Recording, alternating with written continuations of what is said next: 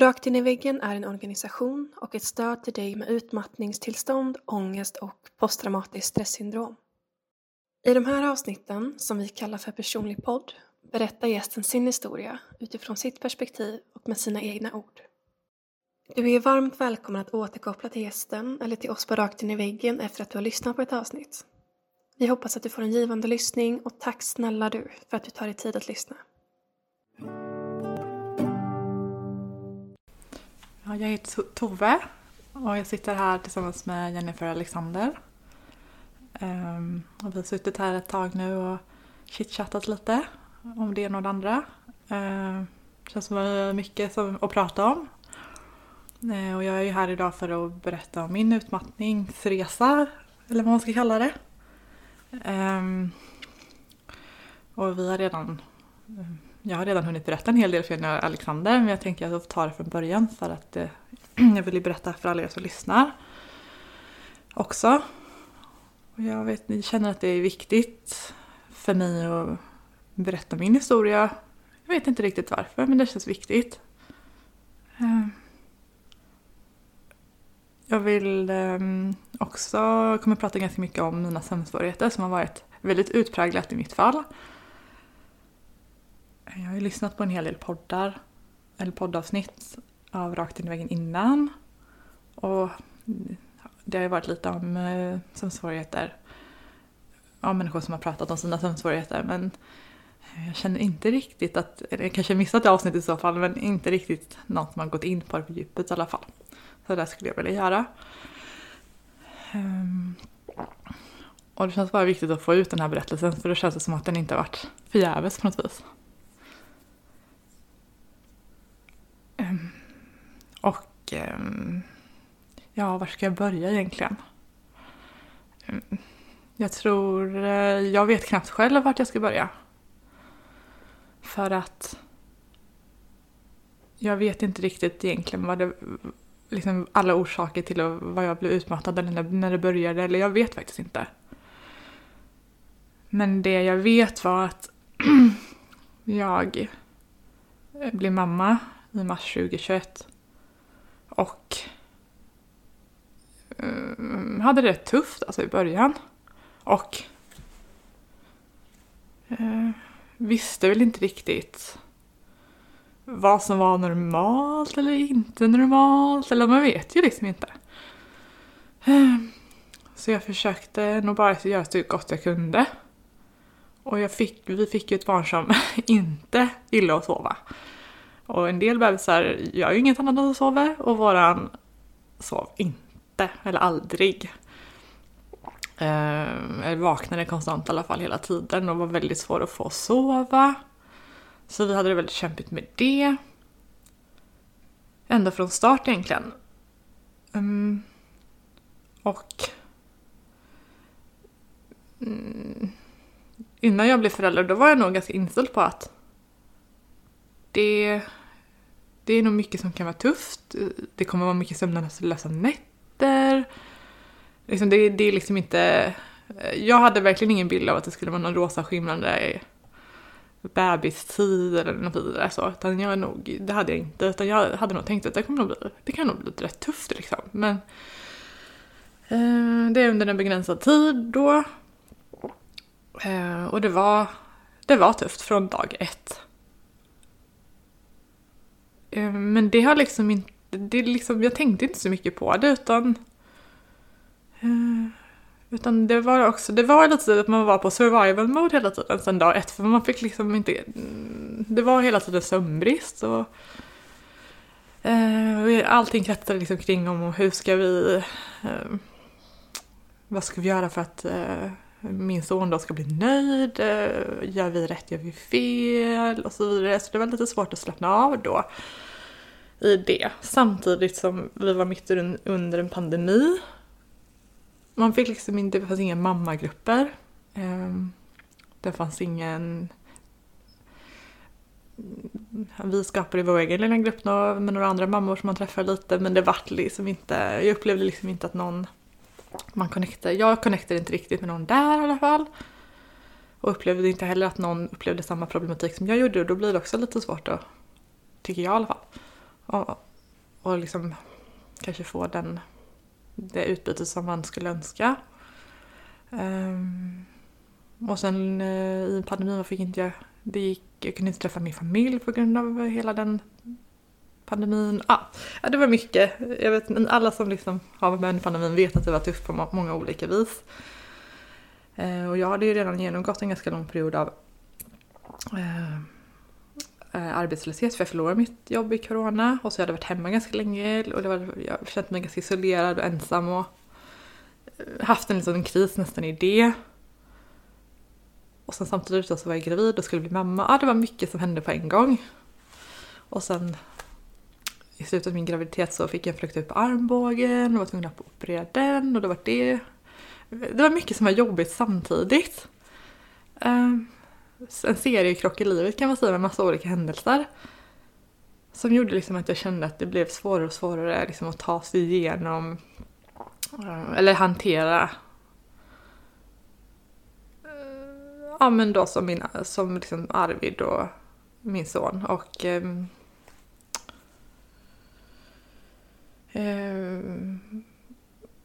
det blev liksom lite för mycket och sen lades liksom på då hela den här sömnlösheten gjorde det liksom inte bättre så. Man liksom försökte, man var väldigt isolerad, försökte rehabba min arm och så blev jag mamma och så skulle man hantera det. Ja, det var mycket på en gång tycker jag. Så. Ehm. Men eh, de första månaderna tänkte jag inte så mycket på det utan då var det nog bara Eh, man försökte liksom hantera det så gott man kunde. Eh, och eh, tog ju lite varje dag för sig så att säga. Eh, sov inte så många timmar, någon natt kan jag egentligen inte säga. Blev konstant väckt. Det var liksom som att varje gång jag hade somnat till så vaknade min son och precis när jag hade somnat och så var det liksom började om på nytt och så skulle han vara vaken mitt i natten. Och eh, jag ammade ju också och då blir det ju lite så att då är man ju den som får ta nätterna för att det, det är så det är.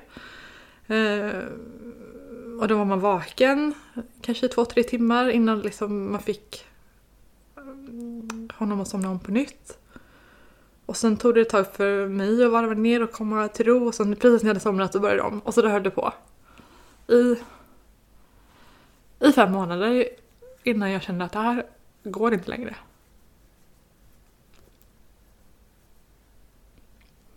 Och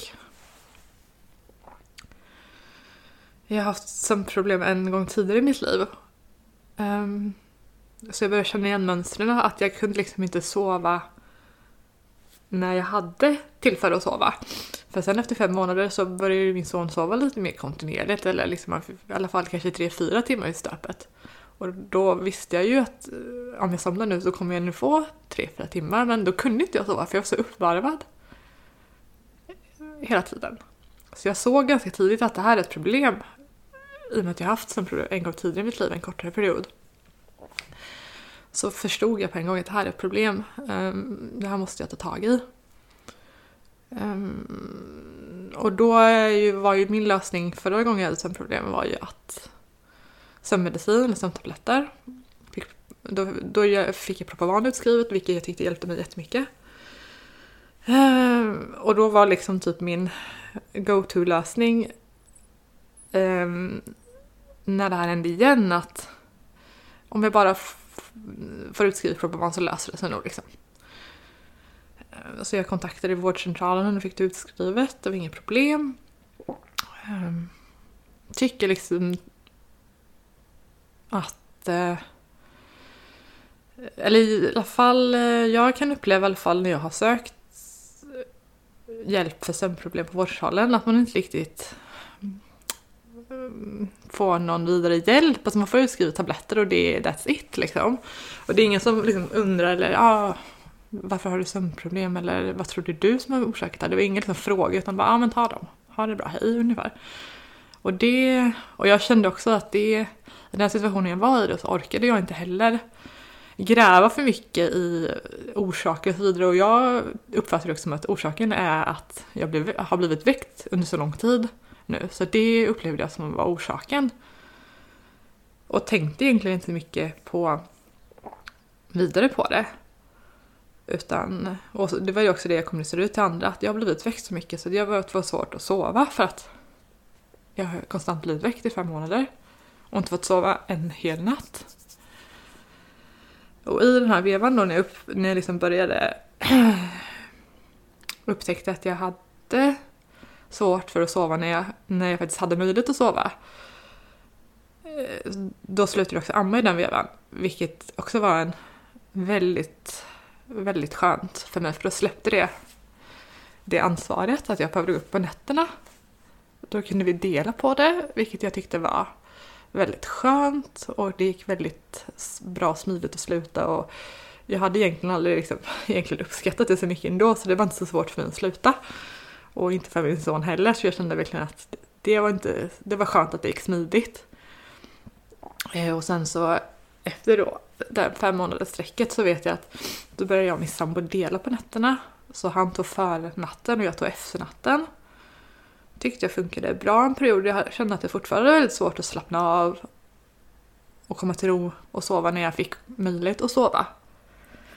Men det gick ändå bra, men det gick liksom att hanka sig fram på det på något vis ändå. Eh, och jag liksom...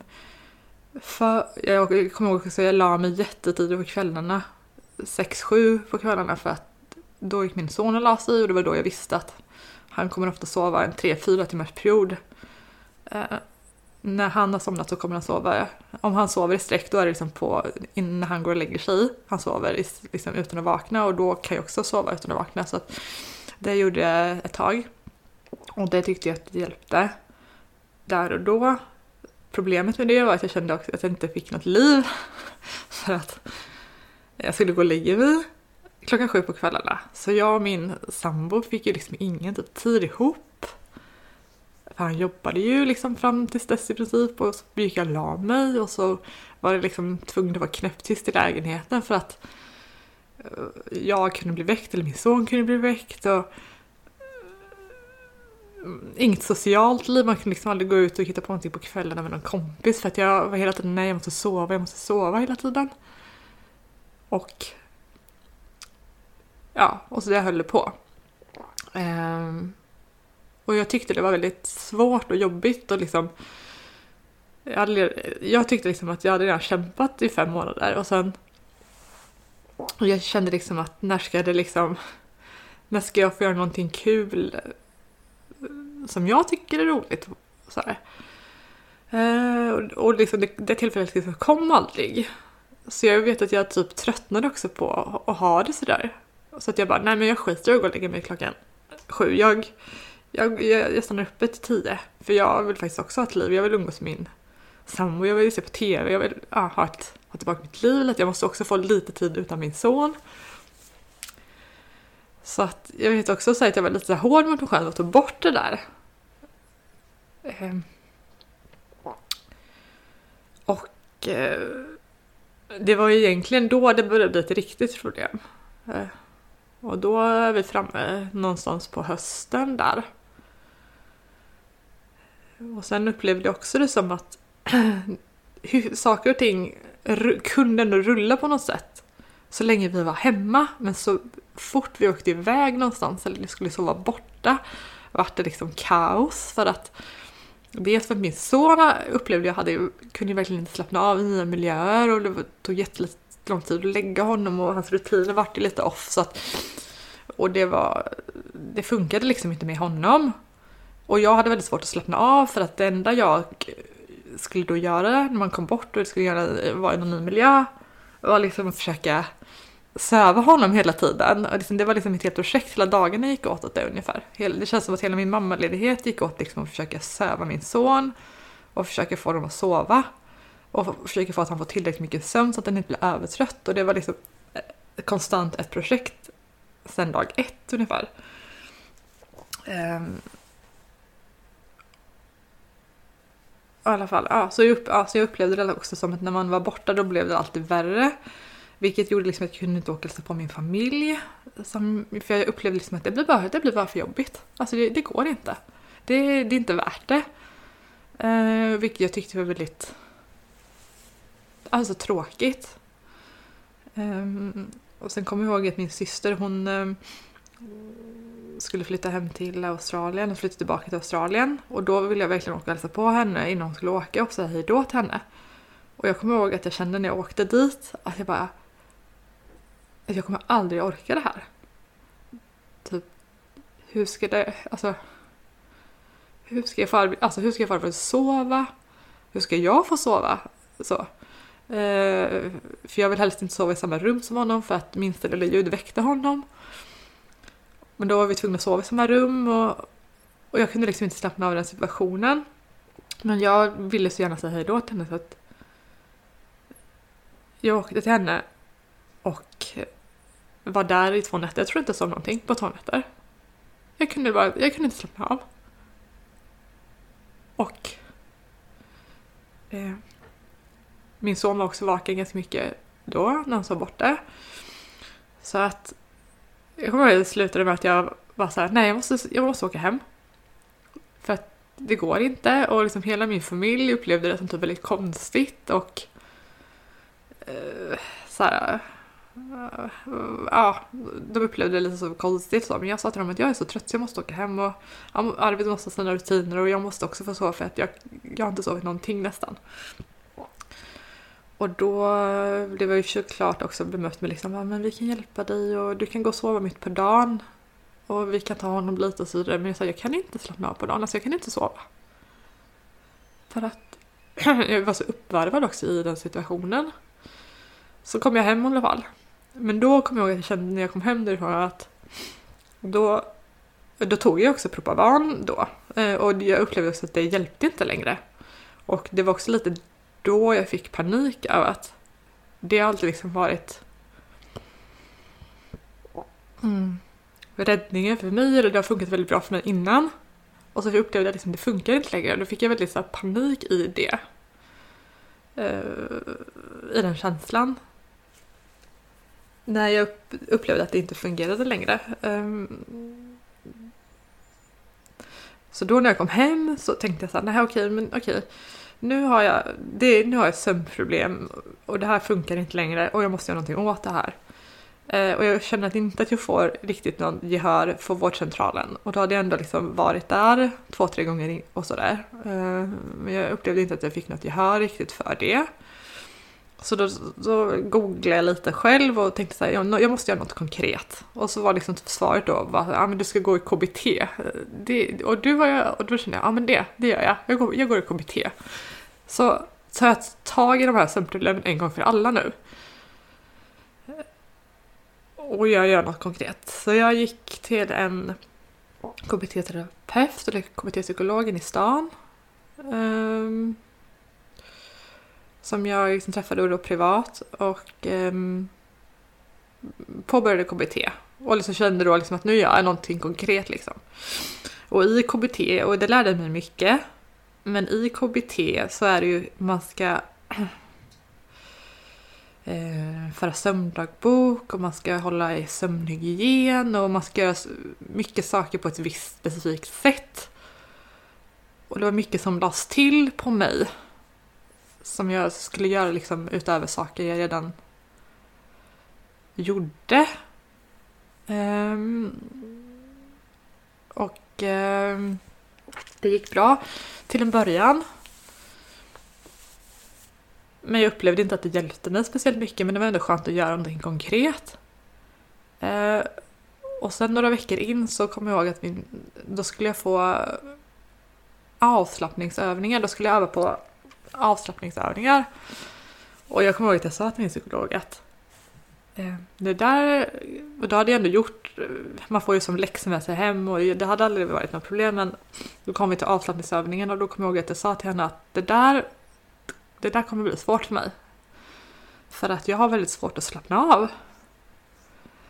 Och eh, så det där kommer nog bli det svåraste hittills och då hade jag ändå genomgått ganska mycket olika saker innan det. Men det, det kände jag liksom att det här blir svårt för mig att, att kunna slappna av och jag, genomföra de här avslappningsövningarna.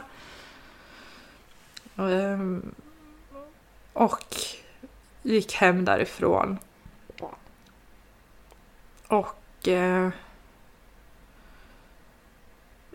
jag vet inte riktigt vad det var, om det var det de där avslappningsövningarna som gjorde det, att det bara blev för mycket men det slutade med att jag inte sov alls. På fem hela dygn.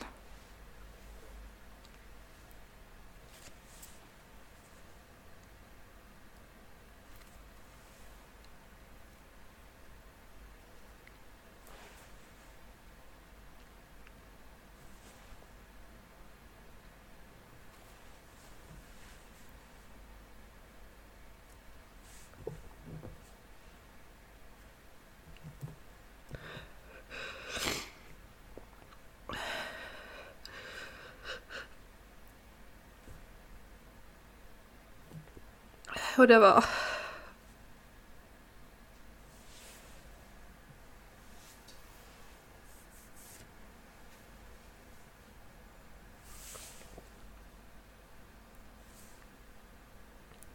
Det var inte... Ja, vad ska man säga? Det var riktigt tufft faktiskt. Och då har jag ändå haft... Då hade jag haft ganska mycket sömnlösa nätter innan. Men jag brukade alltid somna av ren utmattning efter en, två dygn. Eller två dygn av sömnlöshet. Men nu gjorde jag inte det. Nu var det fem dygn. Och ja, när jag hade haft sömnlösa nätter innan så eh, eh ja, man ligger ju och funderar ganska mycket och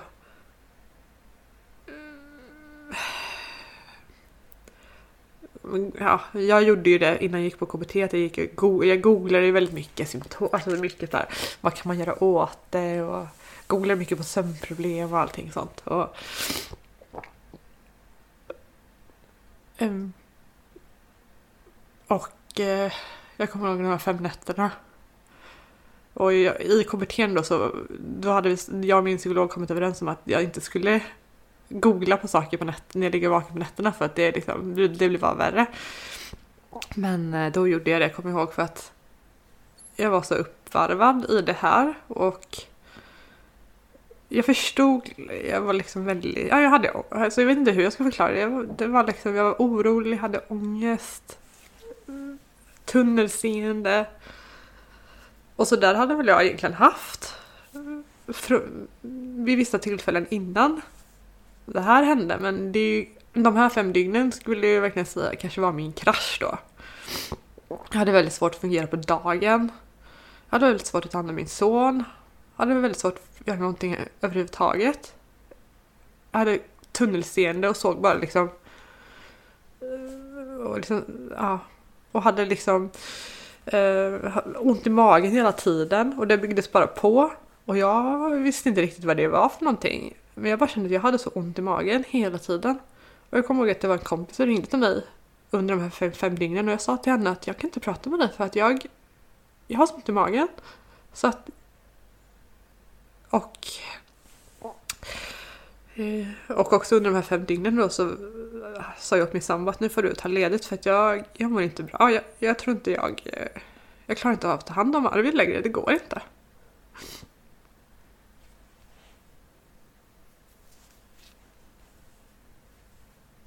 Och...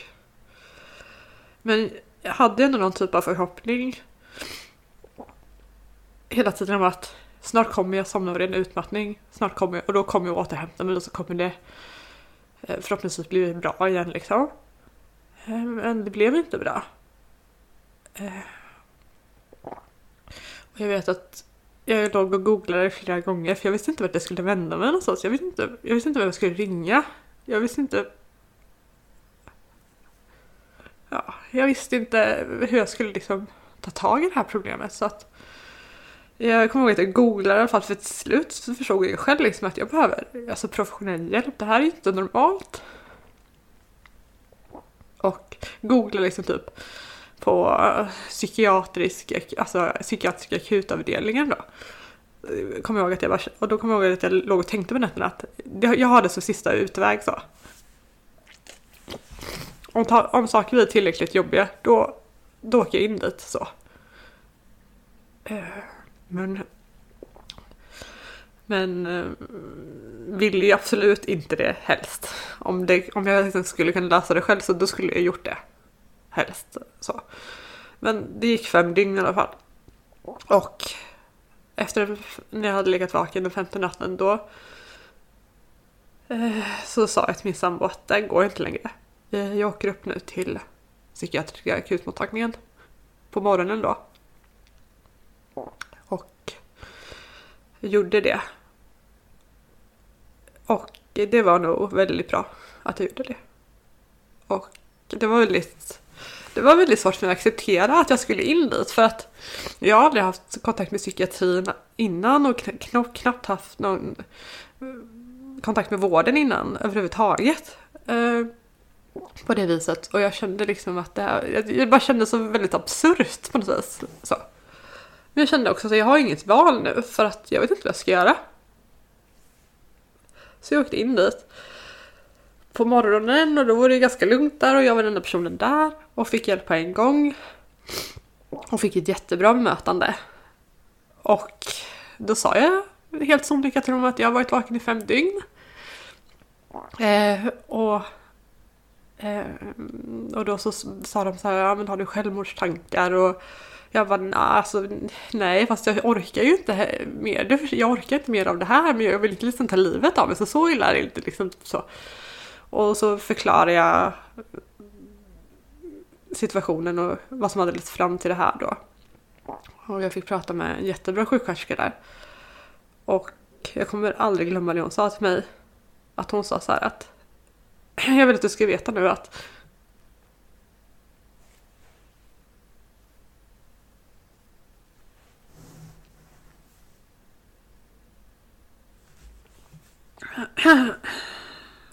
att eh, du är inte ensam om, om den här situationen. Vi får in liknande fall hela tiden. Och så var hon nästan lite upprörd. Och så sa hon, jag tycker det rent ut sagt, jag tycker det är jättedåligt att de inte tar upp det på BVC, sa hon. För vi får in liksom typ slutkörda mammor här stup i kvarten som inte har sovit. Och eh, då kommer jag ihåg att jag kände det som en oerhörd lätt, lättnad att jag inte var ensam om det här. Och eh, så jag var jätteglad liksom att hon sa det för att det hjälpte mig. Ja, och sen då så sa hon ju till mig liksom att Eh, men hon styrde liksom upp situationen för mig. Så sa hon bara så att det är din vårdcentral som ska ta hand om det här. Vi skriver nu i din journal vad som har hänt och de måste liksom hjälpa dig med det här och det här nu. Och eh, så, så sa hon till mig så här, har du fått Imovan, har du ätit Imovan innan? Så nej det har jag aldrig gjort. Så här, då, då tar du dem, sa hon, och så går du hem och lägger dig nu och så eh, för du måste få sova. Och det, det tyckte jag var... Jag kände mig så lättad när jag gick därifrån, kommer jag ihåg. Jag kände mig verkligen mig så lättad. Och jag var så glad att jag hade åkt in dit. Och jag, det kändes verkligen som att jag fick bra hjälp då när jag åkte in dit. Så jag är väldigt, jag är väldigt glad och tacksam för det. Och sen eh, eh så blev det ju en eh, vårdkarusell eller vad man ska säga med min vårdcentral och innan jag liksom fick ja, jag fick träffa en läkare ganska omgående då. Eh, men det var liksom lite snurrigt där i början. Det kommer jag ihåg. Eh, innan eh, vi kom till rätta med saker mm, hon ville ju då, jag kommer med läkare, eh, ja, jag vet inte riktigt, jag tror hon menar väl men alltså det känns som att det kanske inte är en, det är någonting man ska säga till en person som inte har sovit på åtta månader eller vad det var. Liksom, för det, hon gjorde väldigt klart och tydligt för mig från början liksom att typ Imovan, det ska du inte ta. Det är liksom typ det är en sista utväg och du kan få ta dem nu om du verkligen, verkligen måste. Sådär men eh, du ska inte försöka, du ska få, jag fick någon annan typ av sömnmedel som hon tyckte att jag skulle prova och skickade hem mig. Så. Och Jag fick, och sen så bokade hon in också in i psykologkontakt med mig och det var ju väldigt bra. Eh, Eh, och så fick jag komma hem då. Eh, men eh, efter, vad ska man säga, det jag upplevde verkligen som en krasch där och efter det vart det liksom inte, det vart inte detsamma. Eh, jag hade väldigt svårt att hantera allt. Eh, egentligen. Och eh, fick träffa en psykolog då, tack och lov för det. Och hon styrde också upp min situation ganska mycket och liksom sa till mig du behöver en längre sjukskrivning, jag tror det här rör sig om utmattning. Um, och du behöver, liksom, du behöver vila för du är helt slutkörd, hon.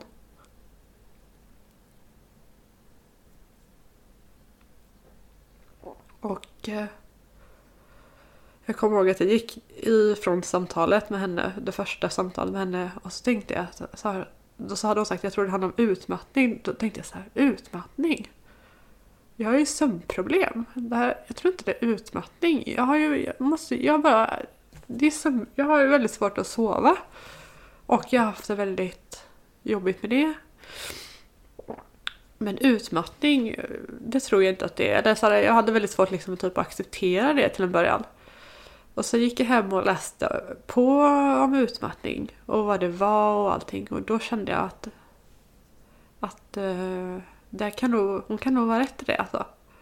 Och sen med de, uh, den tiden som följde så förstod jag ju att uh, att det, det var det helt enkelt.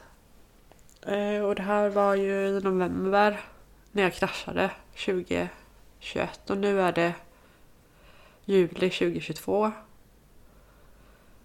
Så det har gått ett tag. Och eh, det, nu tycker jag inte det råder någon tvivlan om vad det är att det är utmattning det handlar om. Eh, för jag känner mig fortfarande inte återställd. Tyvärr. Och i, har börjat också, bara liksom på senare, de senaste tiden, kanske de två sista månaderna, tre sista månaderna, acceptera att det är utmattning. Det handlar om att eh, jag har också börjat förstå att saker och ting kommer liksom inte gå tillbaka till det det var för att det, jag har ingen energi på samma sätt som jag hade förut. Och jag har fortfarande väldigt mycket svårigheter i min vardag. Och främst med sömnproblem då.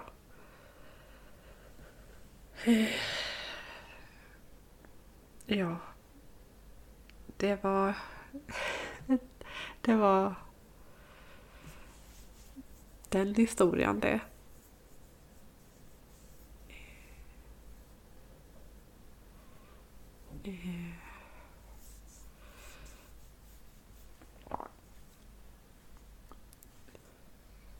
Jag tänker lite på vad mer det var jag ville säga. Nej men då i alla fall, det är också som jag ville filosofera lite kring, eller vad man ska säga, är att jag har ju funderat väldigt mycket på vad är orsakerna till att jag hamnade i utmattningen? Eh, och jag tror att det är jättemånga olika saker. Några saker som jag nämnde i början är att det var mycket som, som, mycket som hände på en gång. En eh, lång arbetslöshet som jag inte trivdes alls med. Bruten armbåge, rehab och en nyfödd spädbarn som aldrig ville sova. Eh, absolut. Det var nog eh, bidragande orsaker. Eh, som gjorde det väldigt svårt liksom, för mig att slappna av och att jag var väldigt uppvarvad och därmed hade svårt med sömn och så vidare. Eh, men jag vet faktiskt inte riktigt vad det mer kan ha varit. Eh, men det känns väldigt viktigt för mig att försöka ta reda på det så att jag inte hamnar i den situationen igen då. Men jag kan också uppleva att hade jag liksom jag tyckte ju att jag tog tag i mina sömnproblem och tog det på allvar. Men hade jag kanske fått eh, lite mer gehör från eh, Eh, vården, folk i min omgivning. Eh, när jag, för jag tyckte att jag hela tiden försökte berätta för människor i min omgivning om jag kan inte sova, jag har problem att sova det här och sådär. Det känns inte som att någon riktigt tog det på allvar. Och också typ lite skrattade bort det med att de så där alla småbarnsföräldrar, alltså det är så för alla. Eh, och absolut, så är det nog att det är, det är svårt med sömnen för eh, majoriteten av alla småbarnsföräldrar men att inte sova alls eller liksom ha sömnlösa nätter när man inte sover överhuvudtaget. Det är ju inte riktigt normalt och jag tror också att hamnar man i den situationen då man har så svårt att slappna av och inte får sova på under en väldigt lång period då är det, är det nog väldigt lätt att hamna i utmattningstillstånd. Eh, och jag kan ju bara tycka att att jag, jag, så här i efterhand kan jag se att det fanns mycket väldigt tydliga tecken och jag tyckte ju själv att jag försökte ta upp det här flera gånger med vårdcentralen. Men det kändes, ja det är svårt liksom att inte få något gehör heller för det. Så det är ju såklart lätt att säga, ja men om det bara hade varit si, om det bara, bara hade varit så i efterhand. Men om man är i den situationen eller har någon i sin omgivning som har så svårt med sömnen, som har så svårt att slappna av. Så tycker jag i alla fall att det är jätteviktigt att eh, man får hjälp med det då. Innan och vad det nu kan vara för hjälp om det är sömntabletter eller terapi eller avslappningsövningar eller vad det nu kan vara. Så jag tror man får ta behöver ha ett ganska helhetsomgrepp också om kanske sin vardag allmänt så. Eh, men ehm,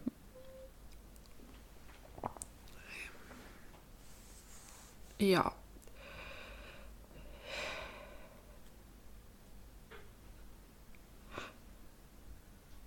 Eh, ja, det var väl det. Jag hade på hjärtat tänker jag. Jag vet inte riktigt. Eh...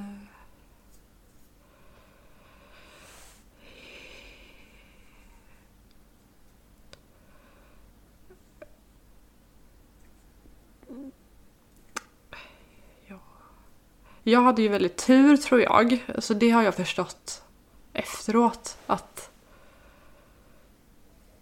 Ja, jag har haft bekanta som har haft utmattningar. Jag lyssnar på liksom den här podden och så vidare. Och, eh, jag fick nog ändå tidigt, efter jag hade varit inne på psykakuten, så upplevde jag faktiskt att jag fick hjälp. Även om det var lite snurrigt i början med mediciner och vilka mediciner jag skulle ha och, och så vidare. Men, eh, efter, ja, men jag upplevde också att min psykologkontakt gav mig oerhört mycket hjälp och styra upp och, liksom, och liksom förklara för mig att nu händer det här dig och det är för att du är i den här situationen nu. Och också, hon var väldigt så pedagogisk i det här. Och sa till mig så rätt ut vad jag behövde göra. Alltså du kan inte ta hand om din son så här mycket. Du kan inte... Du ska liksom typ max stoppa in en tvätt per dag. Det är liksom din energinivå just nu. Och förklarade lite för mig hur jag skulle hantera just den här akutfasen av utmattningen. Vilket jag värderar så oerhört högt och är så oerhört tacksam för idag. Att jag fick så mycket praktiska, praktisk hjälp i början från min psykologkontakt. Och om du lyssnar på det här från botten av mitt hjärta, tack!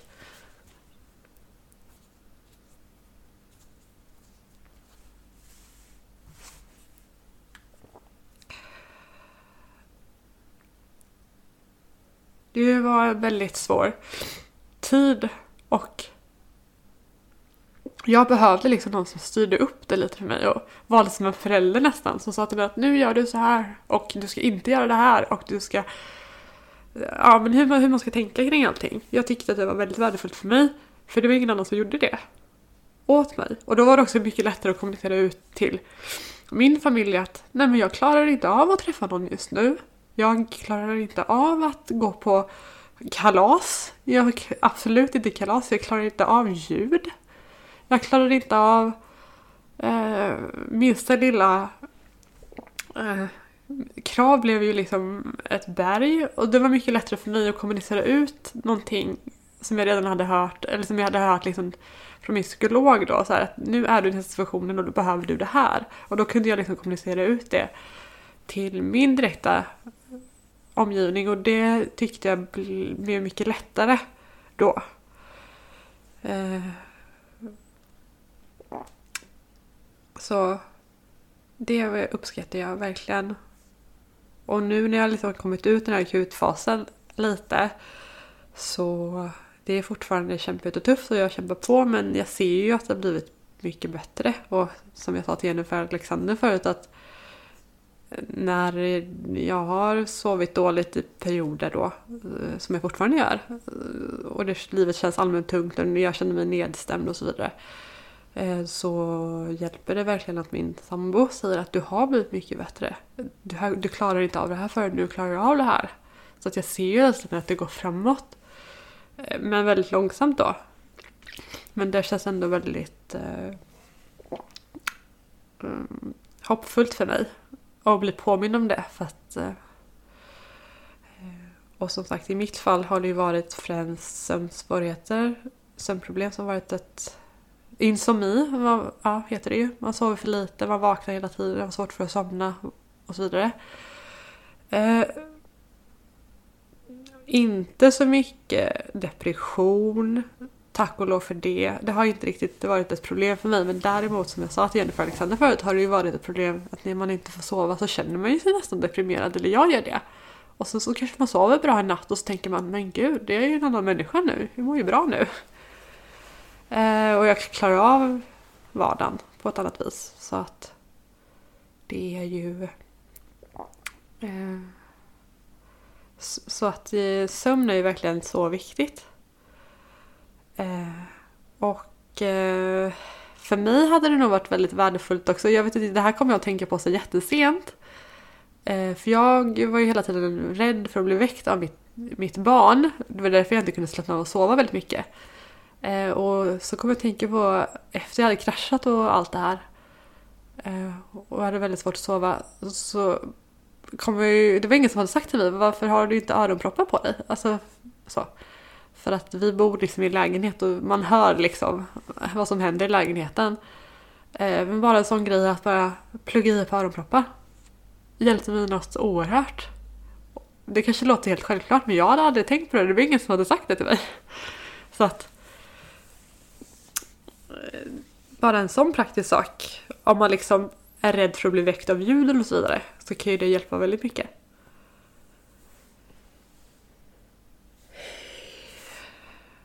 Ja. Det, det känns som att jag har pratat på ett bra tag nu. Eh, och egentligen finns det väl egentligen så mycket mer att säga. Om sömn och sömnproblem och eh, det är ju ett ämne som jag kan prata om i evigheter. Och jag har ju blivit nästan lite manisk när det kommer till liksom att läsa på om sömn och jag har läst alla böcker och eh, och liksom sådär va. Ehm, tycker det är ett intressant ämne överlag nu för tiden. Ehm, och jag funderar dagligen på vad är hönan och vad är ägget i min utmattning? Hade jag fått sovit? Hade jag hamnat i en utmattning då? Eller eh, var jag liksom ändå så slut? Alltså jag var så trött och det var det som inte gjorde som att jag hamnade i utmattning och sömnproblemen var liksom bara en biverkning av det. Jag funderar på det eh, jag funderar på det varje dag vad, liksom, vad, vad är det som egentligen var problemet? Var det liksom att jag var i en väldigt stressad situation?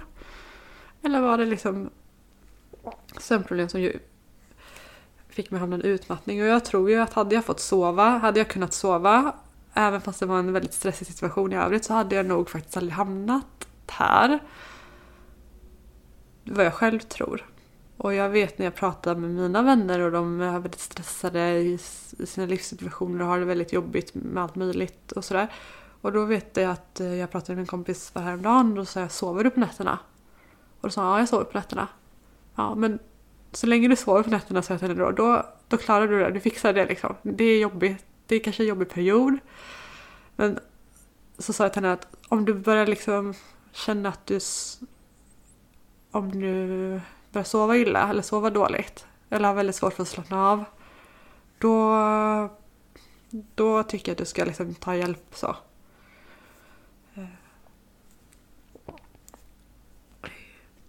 Det ser jag i alla fall som en väldigt vanlig klocka. I... Sen... Just det. Sen vill jag berätta om en podd som jag lyssnade på som jag tyckte hjälpte mig väldigt mycket. Och det var, jag lyssnade på Psykologipodden nu, en annan podd än rakt in i väggen men det här var precis när jag, efter jag hade kraschat så lyssnade jag på Psykologipodden. Och då var det ett avsnitt med, som handlade om långvarig stress. Med, eh, han heter Lennart Levi då, han är en gammal stressprofessor. Eh, och eh, jag kommer, att, kommer ihåg att han sa att långvarig stress liksom bygger på tre, liksom bygg, har man tre av de här sakerna då hamnar man liksom i utmattning och det var ett eh, väldigt höga krav, alltså kraven är högre än vad du klarar av. Eller lägre än vad du klarar av. Alltså att du inte har några krav alls. Alltså du har antingen för höga krav eller för låga krav. Och eh, två var... Eh, ska vi se, jag kommer inte ihåg. Vad var två?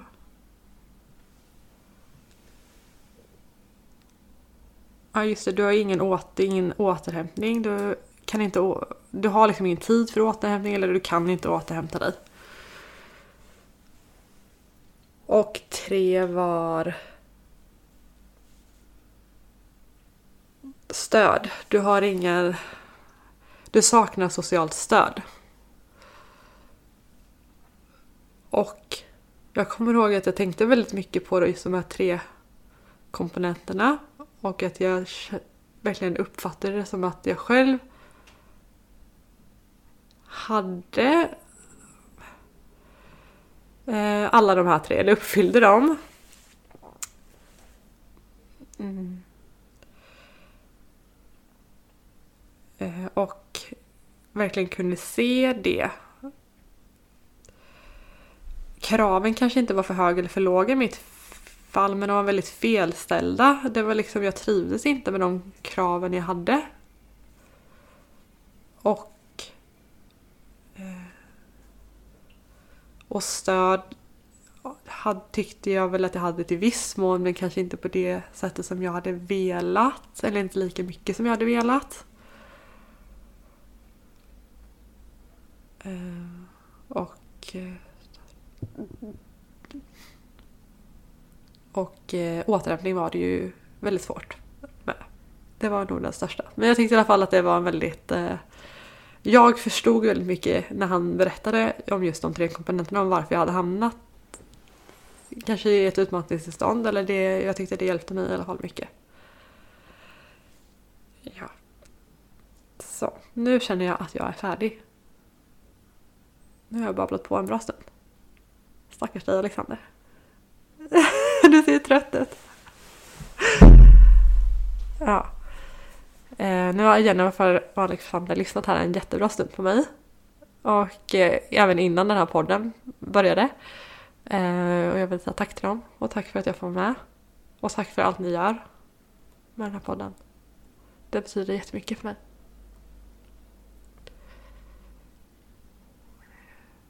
Och tack för mig.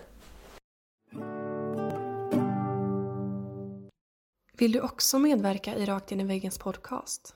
Besök i så fall vår hemsida för mer information på www.raktiniväggen.se medverkan. Om du vill tipsa oss om en poddgäst eller om du har en fråga eller synpunkt på det vi gör så kan du alltid mejla oss på info raktinivaggen.se för att få svar.